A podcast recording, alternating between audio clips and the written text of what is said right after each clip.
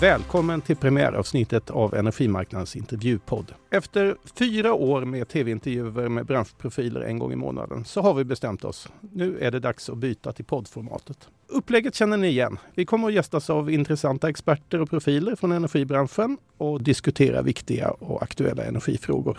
Ja, det kommer bli mycket energikris och energiomställning den närmsta tiden. Det kan vi lova.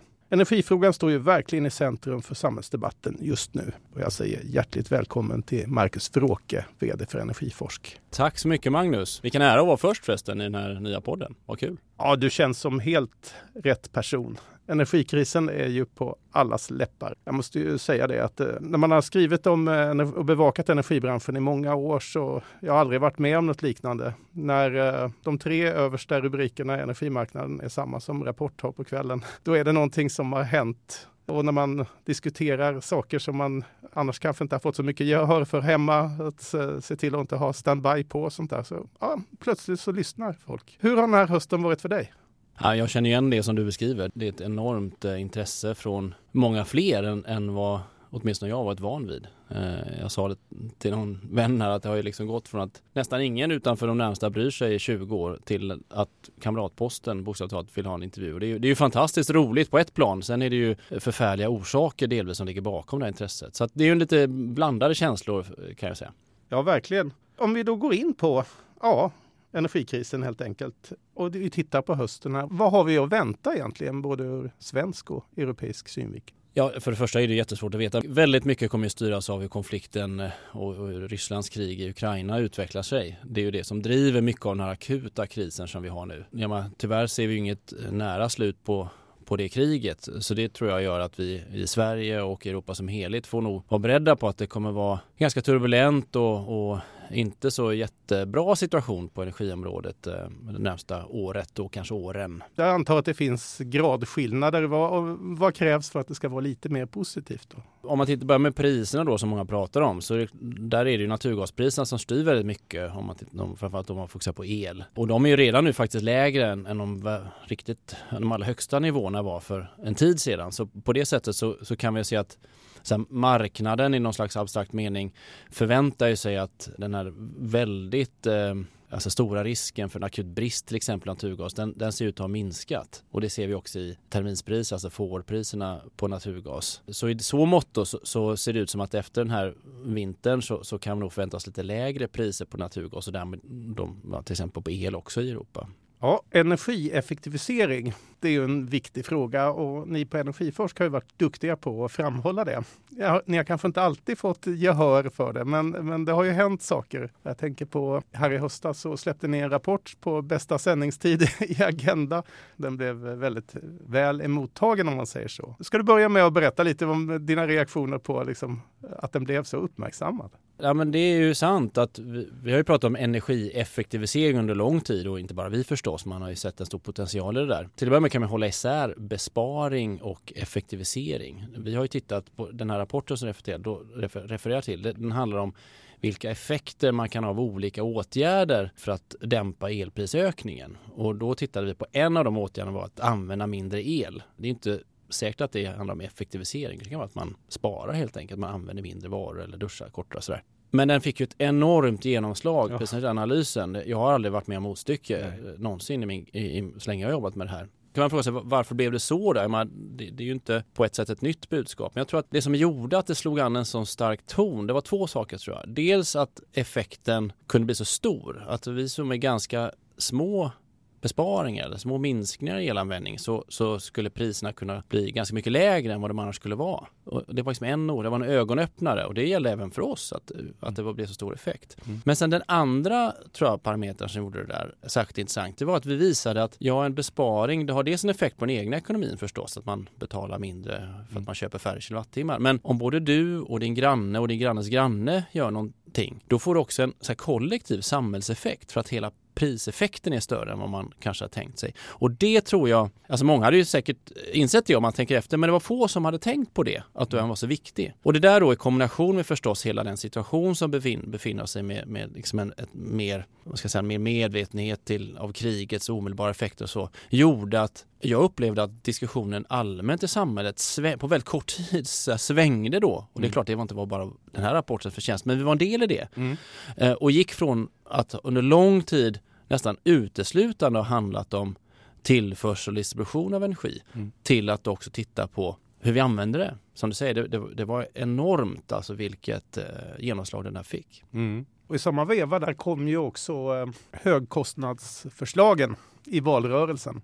Och nu har det ju tillträtt en ny regering och det ska läggas fram ett förslag så småningom. Tror du att det blir det ursprungliga eller har er rapport ändrat tankesättet så att det finns andra typer av frågor inbakat i det hela också? Jag har ingen insyn faktiskt i hur regeringen resonerar. Jag vet inte. Ja, men det finns ju en insikt även i de politiska leden tror jag om att, att ett enskilt så här, fokus på bara tillförsel och så, det, det, tror jag ingen egentligen önskar. Sen i vilken mån det här får genomslag på just högkostnadsskyddet, det, det, det vet inte jag.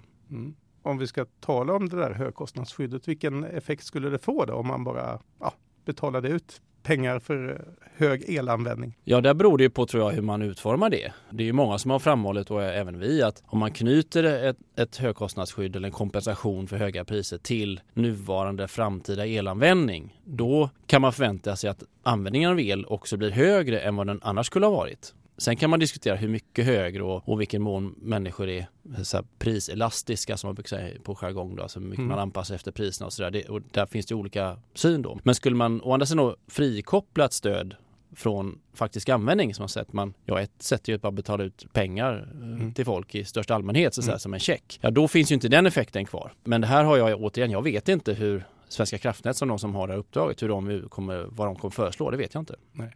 Vi pratade ju om att en ny regering har tillträtt och det finns ett Tidöavtal på plats. Och jag antar att du har tittat på det, Marcus. Vad har vi att vänta egentligen av regeringens nya energipolitik, som du ser det? Ja, det som alla talar om förstås, det är ju det starka fokuset på kärnkraft som är nytt. Jämfört med tidigare regeringen så har vi en helt annan diskussion kring kärnkraft i den här regeringens eh, liksom, eh, deras förslag och hur de har tagit både före och efter valet. Så i så mått så är det klart att det kommer få konsekvenser tror jag för både den allmänna energidiskussionen och för vilka analyser som sådana som jag sysslar med. Så. Så, så jag tror att vi kan förvänta oss ganska stor skillnad just kring det området. Sen finns det ju många saker i det här avtalet och, och även i diskussionen som har förekommit utanför själva Tidöavtalet som är mer generella, som går bortom kärnkraft och det finns nyckelord som teknikneutralitet och så som jag tror är väldigt bra och alldeles oavsett vilken regering som, som sitter vid makten. Om man tittar på energisystemet då, ur det perspektivet, vad, vad tror du vi har att vänta då? Jag tänker på något särskilt eller?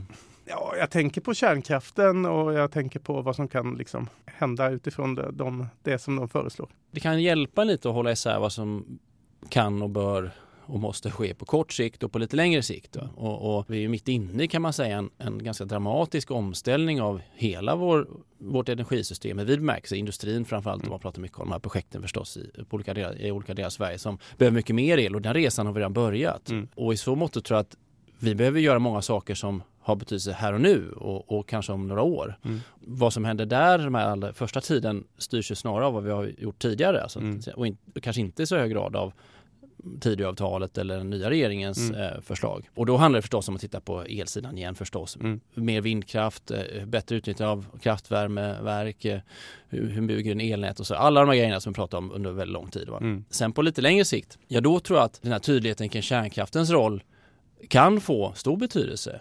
Energiforsk och våra parter, vi har gjort många analyser som visar mm. att kärnkraften kan spela en väldigt viktig roll under lång tid det är inte givet att det behöver vara så, men det, det, skulle kunna göra det. Och jag tror att det här, de här signalerna från politiken är ju väldigt viktiga när man pratar om så långsiktiga och så stora investeringar. Mm. Och, och, vi får se vilken roll staten och den här regeringen tänker sig att staten ska ha. Mm. Men där tror jag också att det är viktigt att förstå att alltså utbyggnad av infrastruktur och i synnerhet då den som tar så lång tid att bygga som kärnkraft eller stora elnätsförstärkningar så. Mm. Det kräver ju tror jag i alla fall, en, en långsiktighet som går bortom en mandatperiod. Mm. Och här är jag inte jag ensam, alltså det finns ju en, efterfrågas ju, ja, så länge jag har jobbat med energi, liksom långsiktiga spelregler, allt, ja. allt det här som jag pratat länge om. Och det, det gäller ju verkligen nu. Nu har vi en regering som sitter med 176 mandat. Ingen önskar sig att det om fyra år plötsligt ska bli en helomvändning i politiken. Så jag tror att lite hur det här, den politiska diskussionen utvecklar de nästa åren kommer att påverka i vilken grad den här signalen också känns, upplevs som trovärdig och långsiktig. Ja, det blir spännande att se om det blir någon ny energiöverenskommelse eller inte. Jag håller helt med. Det, det, det har vi pratat om sedan så länge man kan minnas. Ja. Om vi håller fast lite vid kärnkraften, fast vi tittar lite mer, lite mer utblick om man säger, inte bara Sverige utan globalt. Och ni tittar ju på det här på Energiforsk vet jag. Hur ser framtiden ut egentligen? Ja, det beror lite på vilket land man är och vilken region och så. Mm. Vi har ju vårt fokus framförallt på Europa och igen, vi har gjort ganska många analyser där vi har sett att eh, kärnkraften kan spela olika stor roll beroende på lite vad man tror om hur den utvecklas. Alltså, en, om man börjar med att titta på, under förutsättning att kärnkraftens kostnader kan bli lägre än vad den har varit under de här senaste projekten vi har sett i Europa mm. så kan det absolut vara en jätteviktig pusselbit i det europeiska och nordiska energisystemet. Mm. Men det är ett ganska viktigt om det där. Alltså, det finns en väldigt stor spännvidd i här, kostnadsuppskattningar för olika kärnkraftsprojekt runt om i världen. Och det gäller även när man, liksom, en organisation som internationella energiorganet IEA, när de gör sina scenarier för det globala energisystemet så mm. säger de att ja, kärnkraften har en väldigt viktig roll men så finns det någon under förutsättning att kostnaderna faller med någonstans 40 procent jämfört mm. med vad vi har sett de sista projekten. Det vet ju ingen riktigt. Hur, hur kommer det bli här i i Sverige? Vilken teknik kommer man välja? Och det får vi se. Mm. Men då är det återigen tror jag jättebra att vi har en politik som är, liksom utgår från någon slags teknikneutralitet och en att man ska ha ett affärscase för sina investeringar. Det gäller ju alla tekniker, mm. både kärnkraft och andra. Va? Det var ett långt svar på att säga att jag vet inte hur kärnkraftens roll kommer se ut framöver. Och vissa länder såklart att det är där man har sämre andra resurser, då kanske det är ännu viktigare att, att titta på dess rollen. Men mm. även här i, i Norden så, så beror ju mycket på vad man tror om både kärnkraftens utveckling men också andra tekniker som kan konkurrera och eller komplettera både kärnkraft och till exempel vindkraft. Mm. Du var inne på det här innan, men parallellt med energikrisen så ja, då fortgår ju energiomställningen såklart och, eh, och elektrifieringen i samhället. En intressant eh, iakttagelse är att bara LKAB behöver göra av med totalt osannolika 70 terawattimmar då någonstans 2045-2050 gick de själva ut med i somras. Är det ens möjligt? Ja, det tror jag att det är. Uh, om du menar att det är möjligt för dem att bygga sin anläggning så tror jag det får, det är klart att det tror ju de och då, jag tror dem. De är seriösa och de menar allvar med sina planer. Uh, men om frågan egentligen var, är det möjligt att få fram så mycket el så tror jag mm. också att det är möjligt. Uh, mm. Det beror lite förstås till när och så, men om man jämför deras elbehov med vad man skulle kunna bygga i i Norden och, och i Sverige så, så, tror jag absolut att det är möjligt. Ja, det är möjligt att ge dem 70 terawattimmar, men är det möjligt att få hela energisystemet att gå ihop? Eller rättare sagt, vad är det vi behöver för ett energisystem när det är så otroligt mycket elkrävande saker som händer i samhället? Jag tror att det är möjligt eh, att få både deras elbehov och övriga elektrifieringens elbehov tillfredsställt. Det tror jag absolut att det är. Men det är klart, det är en väldigt stor utmaning i hastigheten. Alltså man ser hur fort det här är tänkt att gå. Och det drivs ju delvis av så affärsmässiga överväganden. Jag tror att eh, de som sysslar med fossilfritt stål ser en marknad som de vill komma till så fort som möjligt. Eh, men också av klimatmålen som driver att vi vill bli av med de här utsläppen ganska fort. Och det kommer att vara en väldigt viktig del i hur man tänker sig att energisystemet också ska utvecklas och vad som är en lämplig och möjlig väg att gå. Därför att, och det kanske inte bara styrs av kostnader utan styrs av andra parametrar som var kan man bygga, vilka sorters tekniker och hur kan man dra ledningar, var kan man bygga kraftverk och sådär. Mm. Och det tror jag, bland sådana som vi behöver vara duktigare på att fånga i våra analyser. Mm. Alltså vad är det för möjliga och rimliga vägar och vad händer när någonting inte riktigt går som man tänkt sig? Vad finns det då för så här, resiliens i både den plan man har men också om när systemet väl står där om något skulle gå snett och så. så att, ja, jag tror att det är möjligt, men det kommer vara svårt att tror jag, tillfredsställa alla de behoven mm. som företagen har uttryckt i sina planer precis enligt den tidplan de har sagt. Mm. I alla fall om vi, gör, om vi gör det på det sättet som vi gjort tidigare när vi bygger infrastruktur. Nu kommer vi till avdelningen svåra frågor eller kanske rent av omöjliga frågor att svara på. Men eh, jag tänker ändå ställa dem för att även om vi inte når fram så är det väldigt intressanta saker att prata om. Du var inne på det här med alltså, vad krävs för att energiomställningen ska lyckas i Sverige? Ja, det krävs att vi gör saker snabbare än förut till att börja med än vi har gjort tidigare. Vi har ju ingen erfarenhet att göra det här den här enorma eh, så här, utvecklingen av vårt energisystem. Ingen av oss som är aktiva nu i alla fall har ju varit med om något sånt där tidigare. Och det är väl på gott och ont då. Vi kanske inte sitter fast lika mycket i så här så, det går inte för det inte, har vi inte gjort och så. Men, men det kräver ju att vi arbetar på nya sätt. Va? Så det är väl det första, att vi måste, tror jag, titta med nya ögon på alla delar av den här omställningen och utvecklingen. Och det som förstås många pratar om är så här, hur fort kan vi få fram saker, tillståndsprocesser och så. Där mm. jobbar ju ja, till exempel Svenska kraftnät med, med nya sätt att försöka köra processer parallellt och så. Men, och, mm. men får inte stirra oss blinda på bara myndigheterna, det gäller även företag och, och för all del också vi som jobbar med analyser här, att vi måste se, vi måste ta fram kunskap samtidigt som vi ska så, implementera den. Just eftersom det går, måste gå så snabbt. Det är väl liksom en, en grundförutsättning tror jag, att vi, mm. när vi tittar på det här. När är energikrisen över då?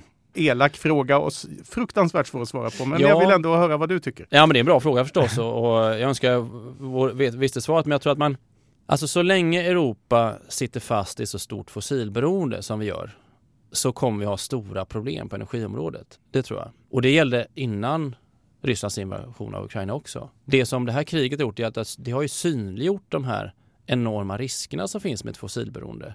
På ett, ja, för det första ett förfärligt sätt förstås eh, i Ukraina, för jag tror att vårt fossilberoende i Europa har ju möjliggjort det här kriget. Jag tror inte vi hade haft det här kriget på samma sätt om vi inte hade suttit med naturgasberoendet.